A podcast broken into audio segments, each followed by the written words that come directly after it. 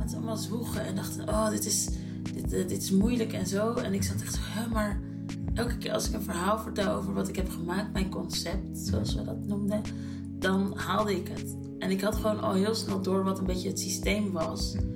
Een goed verhaal hebben bij je werk maakt dat het goed is en dat mensen er niet over in discussie gaan. En ik denk ook dat het meespeelde dat ze vaak mijn verhalen niet kenden.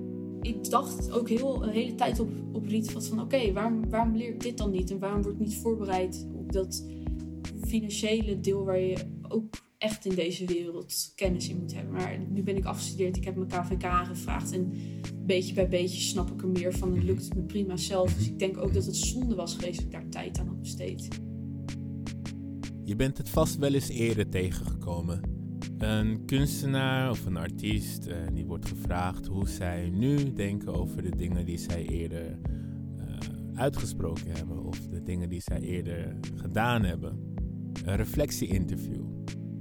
Zo ook in deze podcast, in dialoog, ga ik in gesprek met jonge kunstenaars, uh, jonge studenten zo net uh, na hun afstuderen of rond de periode dat ze moeten afstuderen, derde, vierde jaars, uh, om het te hebben over hun praktijk nu en hun praktijk in de toekomst. Hoe zie je jezelf over vijf jaar?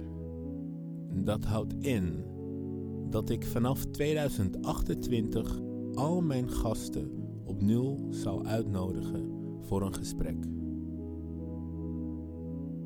Welkom bij In Dialoog, een podcastserie van CBK Zuidoost. Mijn naam is Claudio Ritveld.